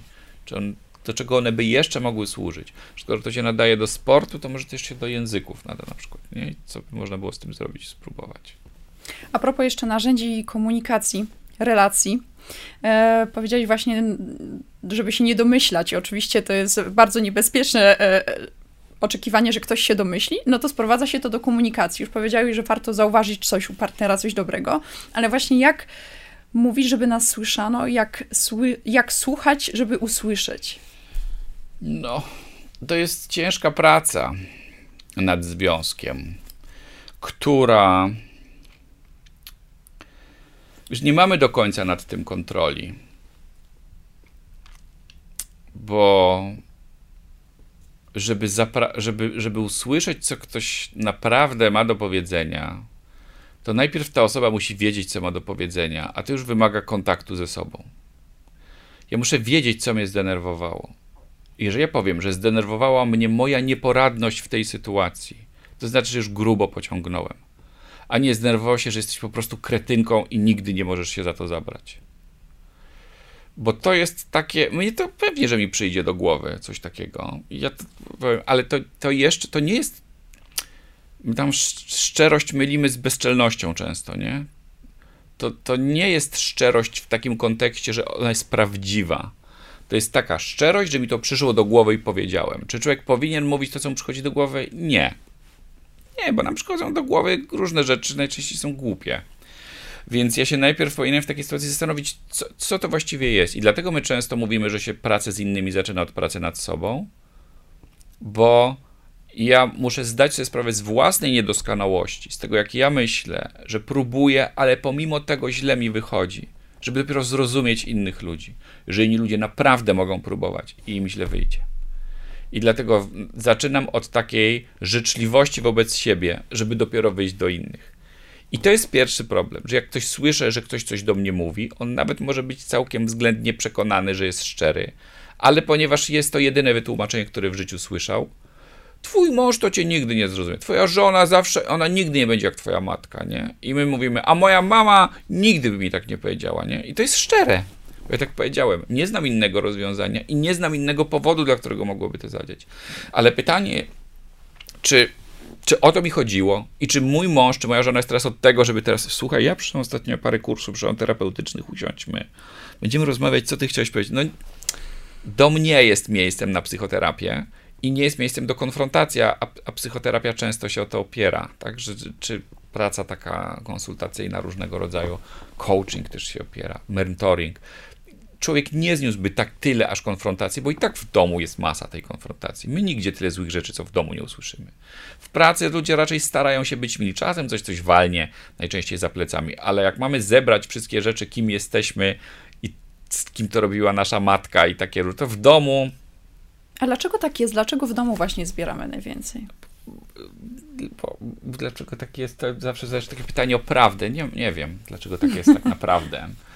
Dom jest najczęściej dom jest dla, być może dlatego, że my jesteśmy w domu też zmęczeni i bardziej emocjonalni przez to, więc tam z domu też ciężej wyjść czasami niż z pracy. E, spodziewamy się, że domownicy więcej zniosą, tak jak rodzice. Rodzice też cię najczęściej z domu nie wyrzucą, chociaż często to deklarują, ale jednak okazuje się, że prędzej się człowiek sam wyprowadza, bo już ma dosyć. Więc e, wiele się na to przyczyn składa, wydaje mi się, że dom jest takim miejscem, które kiedyś w latach 70. Jachoda prowadziła badania nad ukryty, ukrytymi funkcjami pracy i powiedziała, że to jest, wyjść z pracy to jest bardzo do, do, pracy duża wartość. Żeby wyjść z domu i zobaczyć z zewnątrz, jak, jak ten dom wygląda, a nie cały czas w tym siedzieć. Dlatego też często się teraz ludziom poleca, czy, czy to mężczyźni, czy kobiety, żeby jednak, jeżeli mają taką możliwość, już nie będzie takiego stuprocentowego home office'u, to żeby wychodzić, tak żeby, żeby siedzieć cały czas w tym samym miejscu. E, więc tak jest. I, i, I być może to jest przyczyna, ale tak naprawdę to ja nie wiem. Pewnie by się dużo, wiele takich rzeczy naz, nazbierało. Jakieś tam skrypty rodzinne, to, że my zawsze rodzicom mogliśmy nawrzucać, że się tak przyzwyczailiśmy, że w domu ma większą taką no, ale to już widzisz, to jest jakby pierwsza, pierwsza bariera szczerości, że ja sam nie wiem, o co mi chodzi. Że ja mówię tak, to moje życie jest do niczego, a wy jesteście strasznymi rodzicami na przykład. Jak mam 5 lat, mogę powiedzieć, albo 7. Ale skąd ja mogę wiedzieć, że są inni rodzice i czy moje życie jest jakieś do niczego, jak ja w ogóle nie mam punktu odniesienia, nie? To jest jedyne, co wiem w ogóle do tej pory.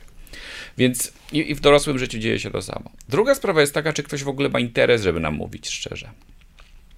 I najczęściej nie ma bo wiesz, że jak komuś powiesz, że odsłonięty masz brzuszek, to on ci ten brzuszek przyłoży przy następnej okazji. I się oduczasz mówić. Boli cię głowa? Tak. Ciebie kurwa zawsze boli głowa, jak jedziemy do moich rodziców. To jest chyba, ty nienawidzisz mojej matki, przyznaj się i tak dalej. Następnym razem boli cię głowa? Nie, nie, nie. E, noga mnie boli. Nie? Bo wiesz, że za nogę nie dostaniesz, a za głowę byś dostała, nie? A się okazuje, że za nogę też dostajesz, więc jakby człowiek zaczyna rzeźbić, to wszystko się tak brnie w jakąś swoją dziwną stronę. Dlatego to, to jest kolejna sytuacja, czyli żeby ktoś nam powiedział coś takiego swojego personalnego, to my musimy mieć na to zapracowane. I my, jako małżonkowie, jako partnerzy, już nie mówię jako współpracownicy, nie mamy prawa się do, domagać, żeby ktoś powiedział, o co mu chodzi, jak nie chce. On nas może tylko wpuścić, może, może tylko wygenerować zaproszenie a nie no powiedz o czym myślisz, no powiedz, powiedz, nie chcesz mi mówić, tak? No, nie kochasz mnie. Byś mnie kochała, to byś mi mówiła takie rzeczy, a widzę już, widzę, że cię żre i tak cię żre i tak mnie traktujesz tylko. To jest wszystko, to jest ciągle to samo, co ja powtarzam. Nie masz dla mnie żadnego szacunku. Wszystko sobie partnerzy muszą mówić. Małżonkowie powinni wszystko sobie. Nie powinni. Niestety, człowiek sporą część życia spędza w samotności i to jest jego sprawa. Nie musi wszystkiego mówić. Niektórzy nawet uważają, że nie, nie, musi o zdradzie mówić, bo to jest jego sprawa. A nie wiesz, dwa lata się tak nosiłem, czy ci powiedzieć, no ale ci powiem, wiesz, zdradziłem cię, także no nie wiem co, ty zrób z tym, co chcesz, nie? I idzie spać. A ty zostajesz i tak co mam z tym teraz zrobić? Więc to, to, to, nie jest twoja sprawa. To jest sprawa, ty, ona ma z tym żyć, a nie ty teraz wziąć to na siebie i to rozsądzasz. Więc my właściwie żeby dowiedzieć się czegoś, to my pracujemy tym na poziomie intymności. I znowu nie rozwadniając się za bardzo, a tylko trochę, powiem, że w tej sferze miłości sfera intymności jest sferą, na którą, na którą najbardziej warto pracować. Bo mamy tę sferę takiej namiętności, która szybko się aktywizuje. Ona właściwie wybucha. Ona jest tak szybka, że jak się sprawdza w badaniach, to jej nie ma, a potem ona jest. Tam, tam sfera wzrostu jest mniej. To po prostu widzisz i nagle krew ci z mózgu odpływa i bardziej to czuję niż wiem i wiem, że to ona i już zawsze teraz będziemy razem i za 25 lat nadal się będziemy rozumieli. Nie? To jest taki efekt pierwszego wrażenia, który jak zwykle pokazuje, jak mózg jest tępy. Nie? Skąd my to wszystko mamy wiedzieć, ale nagle zacząłem i o to zrozumiałem, że Bozia mi ją pokazała, bo przecież już ją dawno dla mnie zrobiła i to wszystko do siebie pasuje. No jak mamy szczęście, to ta osoba oczywiście tam się do nas odzywa i też jak gdzieś tam gra i wtedy się cieszymy, jak nie mamy szczęścia, no to pech. E, mogą nas podać do sądu za stalkowanie. W każdym razie żeby się nie rozwadniać, bo my nad tym nie mamy kontroli. To, to się odpali i zgaśnie, ale potem zaczynamy rozmawiać. I ten moment robienia wspólnych rzeczy jest momentem, bo potem jeszcze będzie element zobowiązania, czyli tam kto ma pozmywać, kto ma spłacać kredyt i wyprowadzać psa, czyli takie obowiązki rodzinne. Jak się zastanawiamy nad tym, co ma wpływ na szczęście w związku, to najczęściej tłumaczymy się naszą skutecznością, czyli zobowiązaniem. Przecież przyszedłem do domu, a mogłem nie przyjść. Przecież ci wyrzuciłem śmieci, tyle robię. A przecież ci ugotowałam obiad, tyle robię. A ciekawe podam. Okazuje się, że sfera zobowiązania nie ma prawie żadnego wpływu na szczęście w związku. Pomimo tego, że my byśmy chcieli, że jak się tak natyram i z tymi worami pochodzę do śmietnika i segreguję i, i zmywam, i zamiatam, i sprzątam, i dziecko przywiozłem, i odwiozłam, i nagotowałem, i zjadłam, a, i te wszystkie rzeczy, to kompletnie się nie przekłada na szczęście w związku. Szkoda, bo pewnie byśmy uważali, że to jest fair. Na szczęście w związku przekłada się wszystko to, co my spędzamy z drugą osobą, to, że my, druga osoba czuje się widziana przez nas w tym związku i że jej mówimy, że ma prawo się jakoś czuć. Czyli, że on przychodzi i mówi, ten mój szef to jest debil, chyba jego matka robiła to z kozą. Mówimy, tak, tak, na pewno tak było. Niż nawet nie pytamy, o co chodzi. Mówimy, tak, ja już, ty już parę razy mówiłaś, to jest, to już jest skandal, że on się tak zachowuje, nie? I to powoduje. I okazuje się, że to nie jest taka prosta sprawa. Dlatego, że my w relacjach długoterminowych mamy tendencję do wycofywania się z intymności. Do właściwie ona się bierze z takiego naszego questa w poszukiwaniu świętego spokoju. Zwłaszcza u mężczyzn widocznego. U mężczyzn otwartość na nowe doświadczenia maleje z wiekiem, więc mężczyźni prędzej przestają chcieć wyjeżdżać, robić różne rzeczy tam. Mężczyźni fajnie wyglądają tak, jak są młodsi, bo oni tam uprawiają kitesurfing jednocześnie grając w szachy i jednocześnie będąc pilotami odrzutowców, a potem jakoś to dziwnie zmienia. Zresztą stare żydowskie przysłowie mówi, że kobiety szukają mężczyzn z nadzieją, że oni się po ślubie nie zmienią, a mężczyźni szukają kobiet z nadzieją, że one się po ślubie zmienią. Co obie te rzeczy nie są do końca prawdziwe. W każdym razie mężczyźni tam zostają sobie, robią różne rzeczy i w poszukiwaniu tego takiego naszego obustronnego questa świętego spokoju intymność zaczyna być coraz mniej przeplatająca się w związku, a coraz bardziej tak sobie układamy, żeby sobie nie przeszkadzać. Może dwa samochody, może dwie lodówki, może dwa telewizory, może ty jedź na wakacje tu, a ja pojadę tu z kolegami, bo my, wiesz, tam, wiesz, co to faceci, tak? Oni tam się lubią napić, opowiadać jakieś świńskie dowcipy, a wy sobie tam pi, pi, pi w tym waszym ropuszym kąciku pogadacie i się potem spotkamy i to jakoś te wakacje będziemy, nie? nie jest to taki zły pomysł też, bo, bo, bo jest jakaś taka idea, że warto, żeby ludzie mieli swoich znajomych. Zresztą, jak pokazują metaanalizy z Facebooka, dłużej przetrwają związki, w których oboje partnerzy mają w dużej mierze swoich znajomych. To nie muszą być wszyscy, ale okazuje się, że te konflikty i zazębiające się takie drobne problemy, w co się spakować, ile walizek, która będzie moja, która twoja, albo czy może do wspólnej się spakujemy, na, albo na ile, do wspólnej e, jest, ma większy sens wbrew pozorom, bo jak się popakuje każdy w, w każdą walizkę, to nawet jak jedna zginie, to nie jest tak, że jeden zostaje bez ubrań zupełnie, a drugi ma wszystko, a tak każdy ma po trochu, więc, ale to wszystko buduje intymność. To, że takie właściwie pewnie, wiem, że profesor na przykład Wojciszek powiedział, że te emocje w związku powodują intymność. To, że my się właśnie nie możemy zgadzać co do wielu rzeczy i że próbujemy znaleźć to rozwiązanie. I co będziemy oglądać? A dlaczego my tam jedziemy? A co, to, to pomimo tego, że my myślimy, że najlepiej dla związku by było, jakbyśmy tak uporządkowali, żebyśmy się ze sobą zgadzali i osiągnęli pewien konsensus, to okazuje się, że nie że to właśnie trzeba się podrzeć trochę. A czemu, co, co, może zjemy makaron? Znowu makaron? A grzecznie może byś mówił. No grzecznie już mówiłem, to jest znowu makaron, nie? I wydaje, Boże, jak miał inną żonę, to ona powiedziała, tak, oczywiście, zrobię ci kurczaka i będziemy go teraz spożywali w spokoju. A, I może tak, ale jeżeli taka osoba byłaby cały czas spolegliwa, to tak samo nie dałoby się z nią wytrzymać, jak z osobą, która jest cały czas zgodna. E, że taka medytacja, tak samo jak cały czas szczera Szczerość nie jest jakąś super wartością związku. Wiesz co, ja sobie szczerze ci powiem, nie? I znowu, następnego dnia znowu matką, wiesz co, ja ci szczerze powiem, a my jeszcze się z wczoraj nie wygrzebaliśmy. A on się, i jeszcze ci, bo ja tak myślałem, nie? I myśmy mówi, nie, to już nie chcę, żebyś mi coś mówił szczerego, ale wiesz co, no szczerze, no to samo powiedz. Sama mówiłaś, że szczerość związku. No to szczerze, ty masz taką manierę, że tak tym robisz tymi ustami, ja, wiesz co jest obrzydliwe, wiesz? Ora, to my już idziemy, próbujemy tymi ustami. No, wiesz co, już mówiłem ci o tych ustach, to sobie myślałem, dobra, to już zamknijmy to, ty już, Jezus Maria, nie już tam idziesz po melisę do kuchni i tak dalej. Szczerość nie jest jakąś mega wartością w związku. Jak ktoś coś argumentuje tym, że będzie szczery, to my od razu siadamy i czekamy, bo to jest najczęściej taka zasłona dymna, żeby nam przyłożyć. Niekoniecznie trzeba być w związku z szczerym. Warto spojrzeć na siebie i ludzie mają jakieś takie swoje te... Niemniej jednak, jeżeli połączymy trochę jedno z drugim, to to jest jak, tak, jak to ma wyglądać. Trochę o tych zębach i że robisz ustami, a trochę o tym, że i jednak się zgodzić, czyli taka nasza ugodowość i ja za ciebie, i, i to wtedy się do, to, to tak ma wyglądać.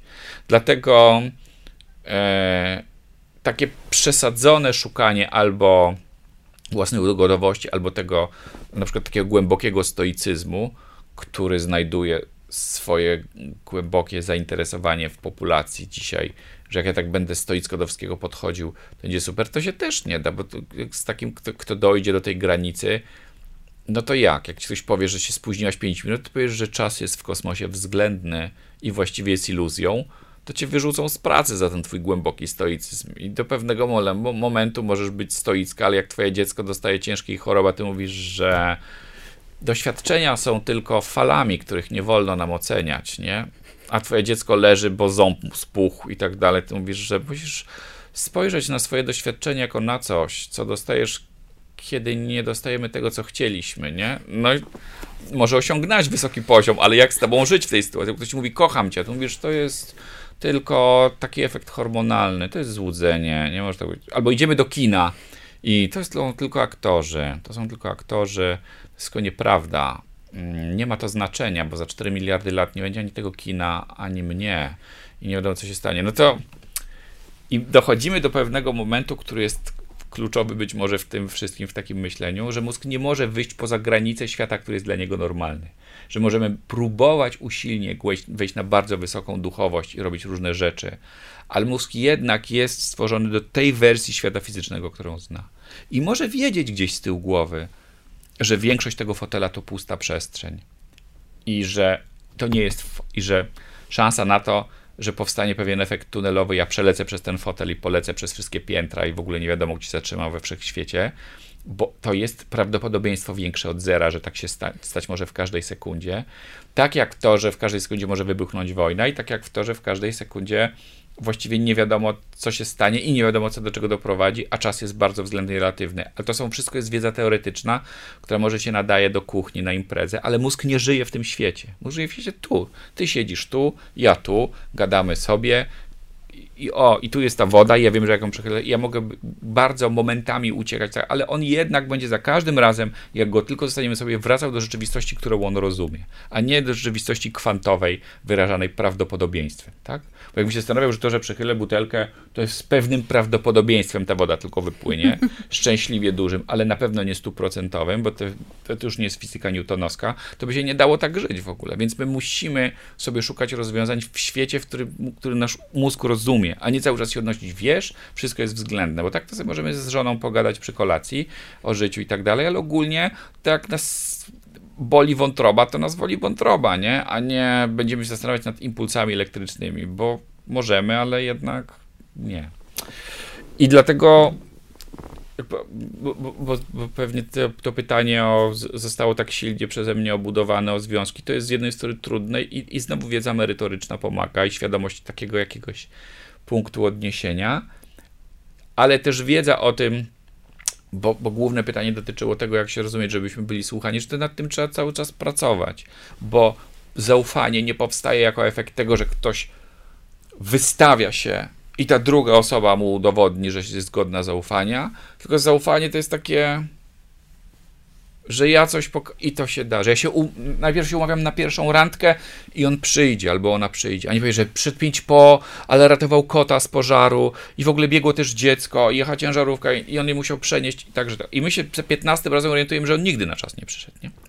I to już budzi nasze podejrzenia, że no dobra, myślimy, dobra, 5 minut to nie ma znaczenia, ale zapamiętujemy, nie? Bo, bo gdzieś to mamy do jakiejś takiej naszej zlewki z informacjami i zastanawiamy się, czy to nam w sumie przeszkadza, czy nie.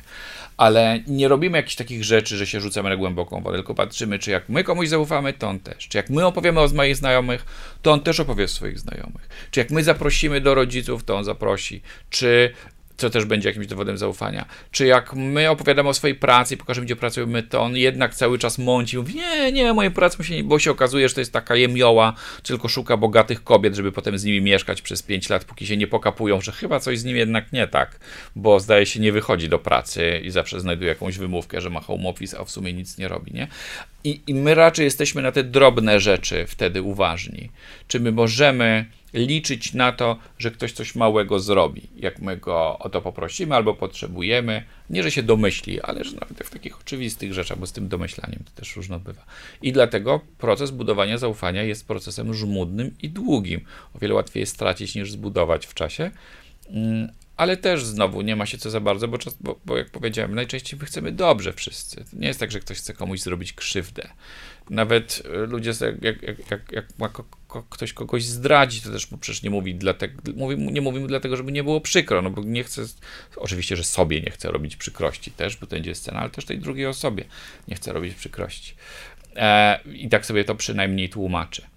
Więc to jest zawsze żmudna praca, wymagająca od nas dużego zrozumienia, co pomaga nam potem cięż, lżej przejść przez ciężkie sytuacje, jak, jeżeli takie się pojawią.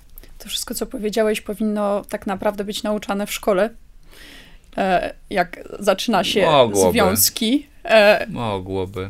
Można kupić twoją książkę Życiologię, Goskologię, proponuję partnerologię jako prezent dla każdego młodego człowieka już, e, żeby troszkę ułatwić naprawdę to otwiera, otwiera bardzo oczy, to co mówisz. E, jest taki rozdział w mojej nowej książce o zaufaniu, którą kończę, jak nagrywamy to, e, o tym, jak, między innymi o czym rozmawiamy, że to tak wygląda, ale rzeczywiście, e, jeżeli chodzi o sam proces edukacyjny, tam by się przydało parę przedmiotów takich, których nie ma, a jest w tym też kłopot, bo, bo nie nie mamy za bardzo też dostępu do prawdziwej informacji, jak te związki wyglądają, bo nikt specjalnie nie opowiada, jak to jest. Na przykład ludzie opowiadają, że kogoś kochają najczęściej na mediach społecznościowych albo na Instagramie, a potem się okazuje, że się wyprowadzają. To ludzie się najczęściej z dnia na dzień nie wyprowadzają, nie? Że się coś psuło.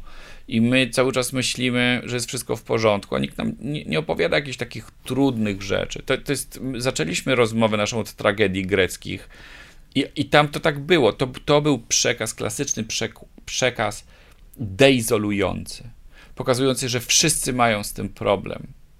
E, jedna z ostatnich, na przykład, tragedii Sofoklesa jest o tym, że nie chcą Edypa wpuścić do miasta. Edyp miał taką dramatyczną historię, że matkę zabił ojca i w ogóle i tak dalej. I on wraca do miasta i, i zadaje pytanie, czy, czy kto z was by się zachował inaczej w tej sytuacji? Napadli mi na drodze, nie wiedziałem kto to, więc wszystkich zabiłem. Potem się okazało, że to mój ojciec, a wy hmm. mnie oceniacie za to, że ja zabiłem swojego ojca. Tak? I te wszystkie inne wszystko zebraliście do tego jednego, wszystkie moje dobre rzeczy, że ja uratowałem Ateny, że coś, to wszystko zebraliście do tego, jak, jak czy ktoś z was zrobiłby inaczej i jakie jest prawo, które pozwala w ten sposób oceniać człowieka w takiej sytuacji. I nie, nie znajduje zrozumienia. I jak my mamy teraz taką na przykład, e, nazywać to cancel culture, że ktoś coś zrobi złego i koniec. Nie może się obronić, nie może się wytłumaczyć, nie chce drugiej strony, po prostu jest wymazywana z jakiejś sfery życia społecznego. To jest dokładnie to samo. Nie? Tylko, że my teraz nie mamy z kim o tym pogadać, bo wszyscy są szczęśliwi mają dobrze. I my potem mówimy, o Magda, super, co tam u ciebie, jakie ładne zdjęcia na Insta, pewnie mąż ci robił. A nie, nie, już z mężem nie jestem dwa lata. Już to inny mi robił, nie? Tylko w ogóle tam sama se robiłam w ogóle. Nie? My nie wiemy takich rzeczy, nie? Tylko myślimy, że u nas jest coś nie tak, bo siedzimy w domu, a cała reszta po prostu wiedzie idealne życie i ciągle jest szczęśliwa, a dzieci są zadowolone, że wyjeżdżają i że chodzą do szkoły i w ogóle nie ma nic fajniejszego niż nauka w domu. No. E, albo że jest bardzo dramatycznie, tak? co też jest do końca nieprawdą, że jesteśmy tym tak przytłoczeni, rozmawialiśmy też trochę o zmęczeniu i to też są bardzo ciekawe badania, że teoretycznie my chcemy wiedzieć coś na jakiś temat, e, ale praktycznie to wcale nie jest dobrze. Jest parę takich intelektualnych patentów, które psychologia weryfikuje. Nie tak, że ignorancja jest błogosławieństwem, ale na przykład ktoś ci mówi na przykład, że w rządzie ktoś kradnie, to wszystko jedno, bo to jest najczęstszy temat, że w rządzie ktoś kradnie, to wszystko jedno, który rząd będzie rządził, myślę, i w którym miejscu na świecie. I ty czytasz i widziałem już kilkukrotnie taki komentarz, oprócz wielu różnych kąśliwych, co to się powinno zrobić, że dlaczego się nie zajmiecie czym innym, ja już nie mogę tego czytać. I okazuje się, że badania pokazują, że to jest myślenie, które wskazuje na pewną refleksję, którą ten czytelnik miał, bo rzeczywiście zalanie nas negatywnymi informacjami w efekcie buduje naszą bierność, a nie aktywność.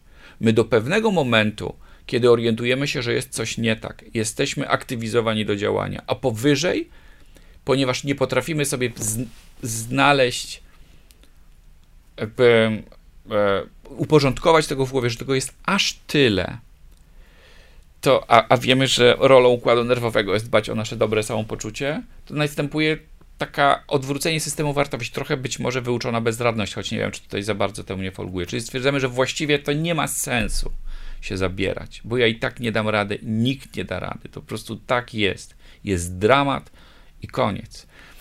I jeżeli chcemy walczyć o prawa zwierząt, to dobrze jest na przykład wiedzieć, że zwierzęta są ogólnie źle traktowane, ale nie codziennie oglądać rano filmy o tym, jak są źle traktowane, bo to wbrew pozorom wcale cię nie aktywizuje, tylko właśnie spowoduje, że będziesz bierna. I tak samo jest z całą resztą. Więc teoretycznie wyglądałoby na to, że to jest fajnie, że na przykład media nagłaśniają wszystko, co im przyjdzie do głowy, z czego część jest naciągana, bo jak się nic nie dzieje, to trzeba coś zmyślić że, żeby, żeby wyglądało to gorzej niż jest naprawdę, ale w praktyce to buduje bierność społeczną, a wcale nie aktywność. Tak? I dlatego najprostszym sposobem, żeby być aktywnym, jednak nie dowiadywać się za dużo, zwłaszcza takich dramatycznych informacji, tylko trochę i móc sobie potem nad nimi pracować.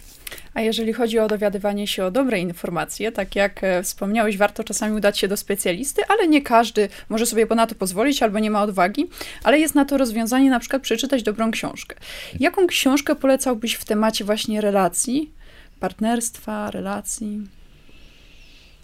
E, jest, kurczę, Alain Botton napisał książkę, taką, taki esej o relacjach, bardzo polecam. On też napisał kiedyś powieść o tym, jak mm, relacja, jak, jak, jak konflikt mm, w relacji jest takim efektem złego procesu edukacji, bo, bo jego zdaniem w ogóle Grecy starożytni zakładali, że człowiek łączy się w związki po to, żeby druga osoba stawała się lepsza. Czyli my się uczymy od siebie w związkach, tak? I że co, co było dla niego, e, co podkreślał, jednocześnie wskazując na absurd, że ludzie w związkach mówią, chyba nie chcesz mnie zmienić tak? Nie akceptujesz. Właśnie o to dokładnie chodziło w związku, że związek jest po to, żebym ja się dał trochę zmienić.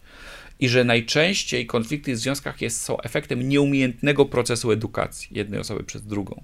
Że to powinno być inaczej robione. Więc na pewno e, wydaje mi się, że, że warto z tej perspektywy rzucić okiem na jego, e, na jego książki. No i mamy nasze książki. Mam pana Wojciecha Heilbergera bardzo fajne książki dotyczące takiego terapeutycznego podejścia, e, bardzo moim zdaniem odważne, a też przy okazji nie grube. Mm, I, na, o tym też mówię. Sporo też mamy takich wywiadów, na które warto rzucić okiem, e, które są takimi wywiadami, rzekami i najczęściej są tam jakieś, są to książki terapeutyczne. Kasia Miller którą cenię za jej swawolność. Lubię w Kasi Miller to, że jest gotowa czasami coś walnąć po to, żeby się ktoś z tym nie zgodził i e, jej mm, inteligencja jest nieprzejrzana z tej perspektywy. W związku z tym ona coś mówi, człowiek się nie zgadza, a potem trzy lata później się orientuje, że o to jej chodziło właśnie, żebyś w ogóle się nie zgodziła i dopiero wtedy się skonfrontowała z tym, że, że właściwie e, tak, tak, tak miało być. Więc też e, na pewno tak, takie mi przychodzą do głowy historie. Rozmawianie mi przychodzi do głowy, tylko wiesz, tym rozmawianiem jest taki problem, że nikt nam nie powie do końca, jak co u niego, bo niby ja miał mieć z tym za interes w tym. Dlatego ale czasami ludzie opowiadają o innych, tak się czasami terapeutycznie z nastolatkami pracuje. Jakie są problemy nastolatków w tych czasach? Ludzie opowiadają o sobie wtedy, nie? E, tak samo można taką zapytać, a moja koleżanka to ma w ogóle tak, nie? My słuchamy, ale czujemy coś przez skórę, że to nie koleżanka. No, więc takie, takie rozmawialstwo pomaga. O wiele jest to efektywniejsze niż czytanie komentarzy na internecie i o wiele efektywniejsze niż czytanie artykułów na przykład na internecie. Tak. Ale pogadanie się z kimś jak najbardziej. Fajnie. Dziękuję Ci bardzo. Ja też podsumuję te wszystkie książki, wypiszę te tytuły. Kasię Miller oczywiście znam, też czytałam wiele jej książek. E, fajny, łatwy, taki przystępny i dowcipny sposób napisany. Tak, Kasia jest taka swawolna bardzo w tym pisaniu. ja za to bardzo szanuję, że że ma pomyślane, co mówi i że jej, tak, jej, jej przykłady są bardzo konkretne. Tak. I, tak, tak. Fajnie, dziękuję Ci bardzo za Twój czas, za Twoją niezwykle wartościową wiedzę. Czuję się, jakbym sama miała przed chwilą coaching, tak więc tutaj, tutaj też parę okienek, parę szufladek się ruszyło, więc dziękuję Ci bardzo. To dobrze, to Ci dziękuję. Mam nadzieję, że będzie to użyteczne i bardzo się cieszę, jeśli tak. Na pewno. E, i, I gratuluję fajnych pytań. Państwu też dziękuję, jak Państwo wytrwaliście do końca, przewijając niewiele, to już sporo. dziękuję Ci bardzo. Dziękuję.